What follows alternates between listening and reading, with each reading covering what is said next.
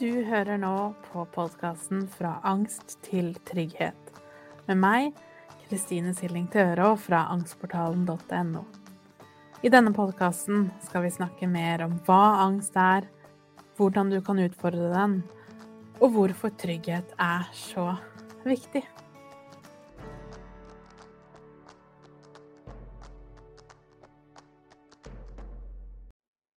Velkommen til episode nummer 24. Og i denne episoden så skal jeg snakke om tre måter du kan undersøke for deg selv på om det du kjenner på nå er angst eller noe annet. Men først litt bakgrunn for hvorfor vi skal snakke om det. Når vi har angst, så er jo angsten sitt formål å få deg til å bli reddest mulig. For hvis du blir så redd som det er mulig å bli, så vil også kroppen din mobilisere seg og redde deg ut av situasjonen. Og det er jo det angst er. Enten om du går i fight, altså at du går rett i kampmodus, eller flight, altså at du flykter, at du blir så rask som mulig for å komme deg unna den farlige bjørnen, eller frysmodus, hvor du rett og slett kroppen mobiliseres og vi går litt i frys, og at det er det den måten kroppen reagerer på. Og så finnes det veldig mange andre måter også um, å reagere på når vi har angst. Men det er de tre hovedgrunnene. Og det er jo det angsten er der for. Nettopp å redde deg ut av det som er en tenkt farlig situasjon. Og hjernen vår er ikke i stand til å vite om den situasjonen du står i er ekte, som i at det faktisk står om livet, eller om den er falsk, som at det er en opplevd trussel, som jo angst er. Det er en følelse, en tanke, en situasjon som ikke egentlig sånn rent objektivt er livsfarlig, men kroppen din opplever det fordi den har opplevd en eller annen trussel i en sånn situasjon lignende. Og da er det ganske vanlig å bli redd. For det er klart, hadde du hatt alle disse symptomene i en faktisk livsfarlig situasjon, at nå f.eks. kom det en bjørn og skulle angripe deg, så gir det jo litt mening. Men når vi har angst i en ikke så objektivt sett farlig situasjon, så er det jo utrolig skremmende hvordan kroppen vår plutselig drar fullstendig av gårde med oss hvor fysisk og intenst de symptomene vi kjenner på, er. Og da er det jo ikke så rart man blir redd. Og så har vi jo begrensa kunnskap om hvor fysisk og ekte denne angsten er i utgangspunktet. Vi har jo ikke lært dette her. Og i hvert fall var det sånn med meg. Når angsten kom, så hadde jeg tror jeg hadde et slags bilde på det å ha angst som å være litt engstelig eller litt nervøs. Og når jeg kjente de intense fysiske symptomene som jeg kjente på, så selvfølgelig ble jeg livredd for at det var noe alvorlig galt med meg. Og den frykten kom jo igjen og igjen og igjen ved hvert eneste antydning til angst. Så derfor så har jeg i dag lyst til å snakke om tre måter du kan sjekke litt opp for deg selv for å øve på og stole på at det faktisk er angst. Og da legger jeg til grunn for det jeg snakker om nå, at du vet at du har angst. Altså at du har vært hos legen din eller du har fått en diagnose, sånn at du vet at det er det du sliter med. At det er angst dette her handler om. Og da blir det også litt lettere å tro på det. Ikke sant? Og øve på å føle seg trygg i det. Så hvis du ikke har det, eller du har symptomer som er nye for deg, eller nyoppstått og ikke går over, er det alltid lurt å ta en test. For det er alt vi på en måte kan stryke av lista som noe utrygt, er det jo verdt å gjøre nettopp det med. Så gjør det hvis ikke du har gjort det. Men jeg antar at de fleste som er her hos meg, har gjort det fra før av. Så her er tre måter du da nå, eller neste gang du opplever angst, kan finne ut av om dette er angst, eller om det er sant, det angsten din sier, at nå er det noe farlig som kommer til å skje. Nummer én, og kanskje det første, er jo det å gjenta setning for seg selv at 'dette har jeg kjent på før'. For det har du. Da tenker du også sannsynligvis, eller angsten din Jeg liker å se for meg angsten som en, en egen personlighet som stikker hodet fram for å, å dobbeltsjekke det meste og for å passe på. Da sier nok angsten at ja, men det var ikke helt sånn. Disse symptomene var ikke så ille, eller de var på en litt annen måte sist. Så hvordan kan jeg da vite det? Og det er klart, det er helt normalt at symptomene er litt annerledes for hver gang. Og de vil endre seg gjennom forløpet eller gjennom livet. Men i bunn og grunn så har du kjent på dette før. Og da har jo du også data på at det går over. Og det som da kan være lurt, er å skrive det ned. Ha en liste på mobilen din over de symptomene du vanligvis kjenner på. Hvilke symptomer som vanligvis skremmer deg, hvor intense er de, osv. For det som også er veldig normalt med følelser, er at vi glemmer det. Vi glemmer hvor ille det føltes. Og det skal ganske kort tid til før vi helt glemmer det, og derfor kommer det jo som et sjokk neste gang igjen at det var så ille. Og en, en, god, en god grunn for at det er helt sant, er jo bare å tenke på fødsler. Hvis du har født barn, hvordan man glemmer at det var så intenst som det var. Og kanskje bare sitter igjen med tanken om at det var intenst. Og sånn er det med angst nå. Vi glemmer hvordan det faktisk føltes. Og derfor virker det nytt hver gang. Så derfor vil jeg at du skal skrive ned. Hva følte jeg? Hva tenkte jeg? Hvor i kroppen satt det? Hvordan opplevde jeg det? Og så videre. Så neste gang du opplevde det, så tar du fram den lista. Du leser den for deg selv. Du huker av at 'yes, dette har jeg kjent på før', og sist gikk det også over. Og det er klart, det er ikke sikkert du tror på deg selv de første gangene. Det er helt normalt. Men nå skal vi øve over tid. Og jo mer vi øver på å la hodet vårt gå den veien, jo lettere er det også å roe ned kroppen. Og nå skal vi snart til steg to. De går jo litt i ett. For det handler jo om å se om symptomene går over. Og få bevist for deg selv at disse symptomene har jeg hatt før. Før har det gått over, og de kommer til å gå over nå også. Så det tar oss med til steg nummer to, eller andre metode. Det er å teste symptomene. Det som er veldig typisk for angst, det er for det første at det går over. Angsten vil alltid komme i bølger, og da er det ikke dermed sagt at det kommer en bølge, og så plutselig er det helt over. Men den vil komme på en måte øke intensitet, og så gå litt av igjen. Og så vil den kanskje øke fort noen ganger, spesielt i de verste periodene. Men etter hvert så vil de bølgene bli mindre og lengre fra hverandre. Men poenget er at symptomene går over. En annen ting som er ganske typisk for angst, er at det kommer når du er i hvile. Så at du sitter på sofaen, eller at du sover, at du står i ro. Det er ikke noe spesielt som, som skulle tilsi at kroppen din plutselig kjører på. Og det er da symptomene kommer. Og det betyr jo at de veldig ofte og merk at dette betyr ikke at det alltid er sånn. Så hvis du er motsatt, husk på det at det også er normalt at det er sånn noen ganger.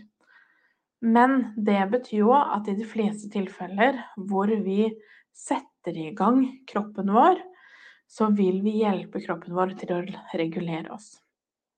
Så de rådene vi ofte får, er jo å puste, meditere som er veldig, veldig dårlig råd for det meste når vi har høy angst. Det er helt superråd sånn over tid når vi skal jobbe med å møte følelser og kroppen vår og angsten og alt dette her. Men det vi snakker om nå, det er jo når angsten er høy. For når vi puster, eller når vi mediterer, det vi jo egentlig gjør, er at vi vender fokuset innover. Så vi snur oss og plutselig vender oss mot alt det som gjør vondt inni oss. For igjen, angsten din er jo der for å hjelpe deg ut av det. for å hjelpe deg til å kjempe eller flykte fra det som gjør vondt, eller de opplevelsene du har hatt tidligere som medførte et ubehag av noe slag. Så vi kjemper for å holde oss unna av oss selv. Vi ser på TV, vi hører på musikk, vi snakker med folk, vi gjør et eller annet aktivt for å holde oss unna. Og derfor blir det veldig ofte fullstendig krasj når vi da plutselig Nei, nå skal jeg sette meg ned og meditere, for det jeg har hørt er så lurt.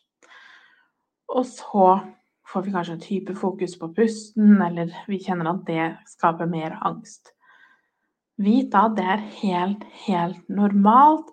Det er ikke farlig, men det er helt normalt, og det er veldig ubehagelig. Og det har litt mot sin hensikt når angsten er så høy. Derfor vil det alltid være lurt å vente med de type teknikkene når vi over tid har øvd på å nettopp møte oss selv og er litt mer vant til og har litt mer teknikker i å nettopp stå i det som gjør vondt. Men nå når angsten er på topp, så er jo målet vårt alltid å roe ned nervesystemet. Så det er altså punkt nummer to å teste symptomer. Det kan være å gjøre bevisste ting for å hjelpe kroppen din, eller rettere sagt nervesystemet ditt, i å regulere seg. Det kan være å ta en kald dusj. Det kan være å ta en isbit eller noe veldig kaldt på brystet, ha det i hånda. Eh, ta en isbit i munnen og holde den litt inn i munnen. Bevege kroppen kan være effektivt på uansett hvilken måte som gir mening for deg. For mange er trening vanskelig å trigge ned angsten, så ha respekt for det. Så beveg kroppen sånn det føles riktig. Om det er å sette på musikk og danse og trampe og hoppe litt, eller om det er å gå en tur, løpe en tur, trene, hva som helst, spiller absolutt ingen rolle så lenge vi får i gang kroppen. For noen kan det være å stå rett opp og ned og kanskje bevege hofter og, og bein og armer lite grann.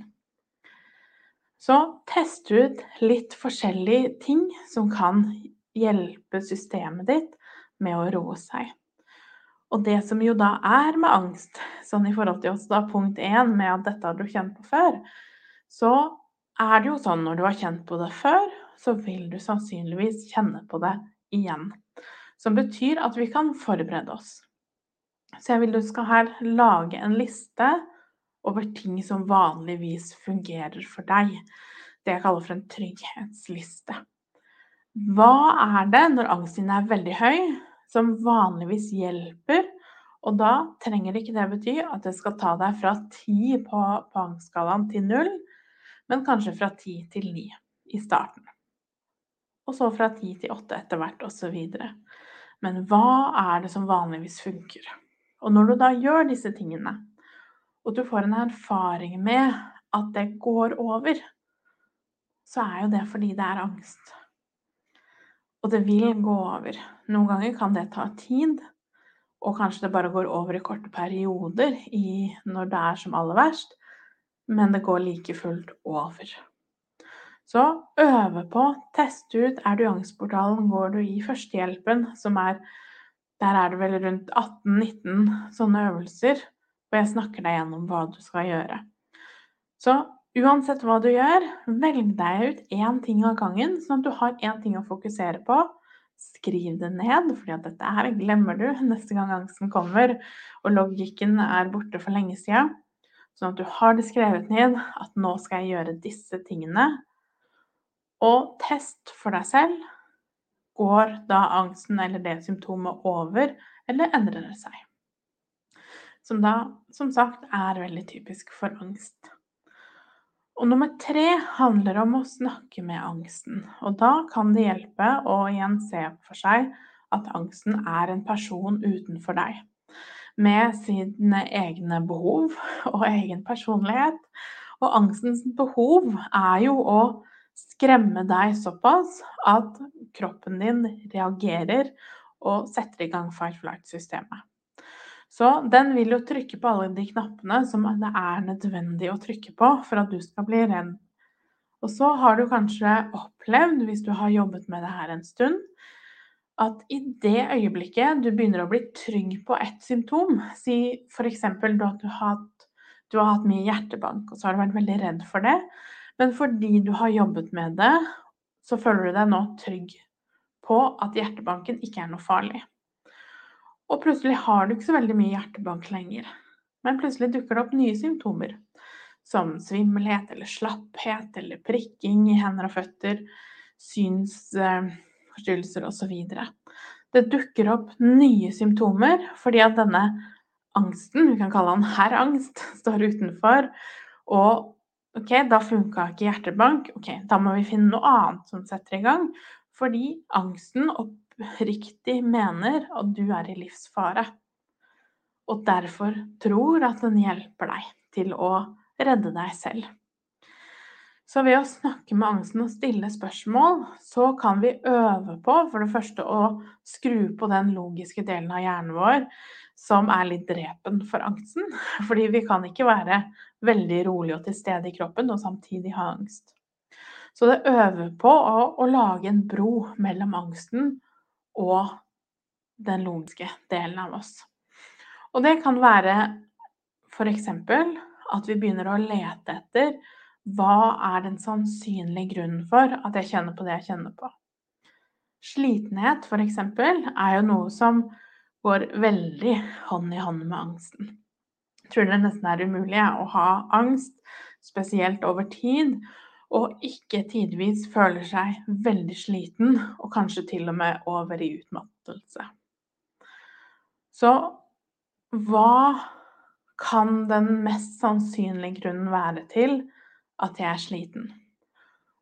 Og da er det naturlig at du kanskje har tenkt tanken at det er noe alvorlig galt. Kanskje jeg har en eller annen skummel sykdom som gjør at jeg blir så sliten. Men hva er den mest sannsynlige grunnen til at du er sliten? Kan det være det at du har angst som gjør at du går i beredskap hele tiden? Kanskje du sover dårlig? Kanskje du bruker det meste energien din hele dagen på å sjekke symptomer, tenke på dette her, føle, være urolig, ikke klare å slappe av, ikke klare å sitte stille.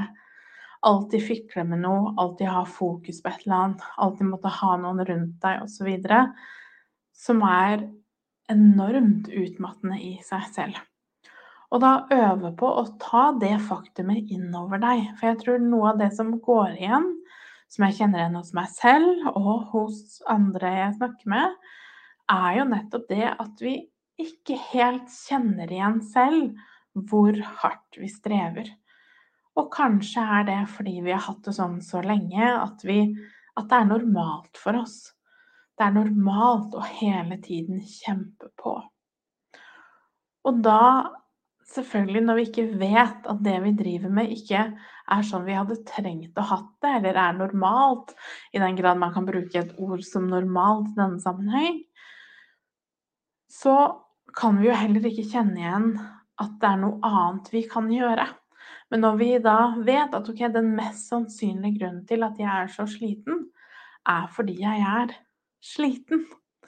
Ikke fordi det er noe alvorlig galt med meg. Og selvfølgelig skal du alltid sjekke deg opp med legen din hvis du har symptomer som er nye eller skremmende, som ikke går over, eller som du er redd for og ikke helt klarer å roe deg ned med. Men de fleste har jo gjort det, og det har kanskje du også da gjort. Eller du skal gjøre det, og så er du fortsatt redd etter du har sjekka det opp. Som er veldig typisk. Vi stoler egentlig ikke på noen. Eh, fordi at denne angsten hele tiden vil ha det til at du er alvorlig syk. Men utfordre deg selv i å tenke tanken hva er den mest sannsynlige grunnen til at jeg har hjertebank, til at jeg har vondt i hodet, til at jeg er tung i brystet, til at jeg ikke får til å puste dypt med magen, til at jeg har vondt i ryggen, til at jeg har dotter i synet, at jeg føler at jeg ser verden gjennom et slør, osv., osv., osv. Drøssevis av fysiske symptomer som angsten drar med seg. Hva er den mest sannsynlige grunnen? Å øve på å tro på det. Og jeg sier øve på fordi det er helt normalt og ikke egentlig tro på deg selv eller noen. Det er veldig normalt å gå siden du har vært sliten over lang tid. Du går til legen din, kanskje det blir tatt litt blodprøver osv., men at legen konkluderer med at det er ikke så rart at du er sliten. Det er den mest sannsynlige grunnen her, er f.eks. angsten. Og så tror vi på litt, men neste gang den bølgen med slitenhet kommer, så kommer igjen tanken om at ja, kanskje jeg ikke forklarte det riktig, eller kanskje det ikke var sånn at det endra seg litt, osv. Så, videre. så mye av dette her handler jo om en manglende tro på oss selv og på kroppen vår, og på at det ikke er meninga at du skal måtte ha det sånn resten av livet. Så hva er den mest sannsynlige grunnen til at du har det symptomet du har nå?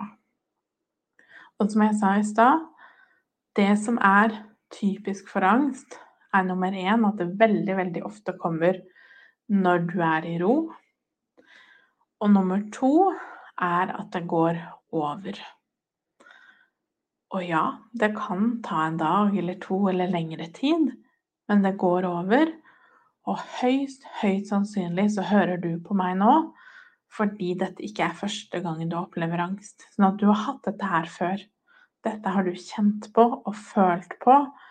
Du vet at det gikk over sist, og det var ikke flaks som gjorde at det gikk over, som det er lett å tenke. Men fordi det var angst, og angsten sin natur er at det kommer og går. Og er du usikker og du ikke klarer å slå deg til ro med det, så ta kontakt med noen som kan hjelpe deg med det. Vi trenger ikke ha veldig alvorlig angst eller masse voldsomme symptomer før vi kan få hjelp. Det holder veldig lenge å være engstelig. Det er lov å ta kontakt fordi jeg har en følelse som jeg ikke helt vet hvor kommer fra. Som igjen er veldig typisk for angsten. Denne frykten for at noe, et eller annet skal skje, men jeg vet ikke helt hva. Og det handler også om kroppen vår. At vi kan føle på at jeg føler veldig sterkt at det er noe veldig alvorlig galt med meg, men jeg har ingen symptomer eller kan ikke bygge det på et eller annet. Jeg vet ikke helt hva det skulle vært, men en sånn overhengende opplevelse av at det er noe galt, som er veldig, veldig typisk for angst. Så ta kontakt med noen som du kan prate med hvis du trenger det. Så dette er nest siste episode nå før sommeren. Neste gang så skal jeg snakke om dette med å ha angst i ferie, som jo også er veldig nært knytta til angst med høytider osv. Så, så hvis du nå skal inn i en ferie hvor du kanskje har mye angst for, det kan være at du plutselig skal være mye hjemme med familien, at det er vanskelig, at du skal på ferie, er redd for å få angst på ferie. Uansett hva det er, så skal vi snakke litt om litt tiltak vi kan gjøre for å møte sommeren på en bedre måte i neste episode. Og hvis det er noe spesielt du har lyst til at jeg snakker om i denne episoden, så ta kontakt. Så tar, vi, tar jeg med de punktene neste gang. Ta godt vare på deg selv så snakkes vi. For å lære mer om angstmestring og mine metoder, så går du til angstportalen.no. Du finner meg også på Instagram som Angstpedagogen, og på Facebook som angstportalen.no. Der har jeg også en gratis Facebook-gruppe hvis du har lyst til å komme i gang og bli kjent med andre som har det på samme måte.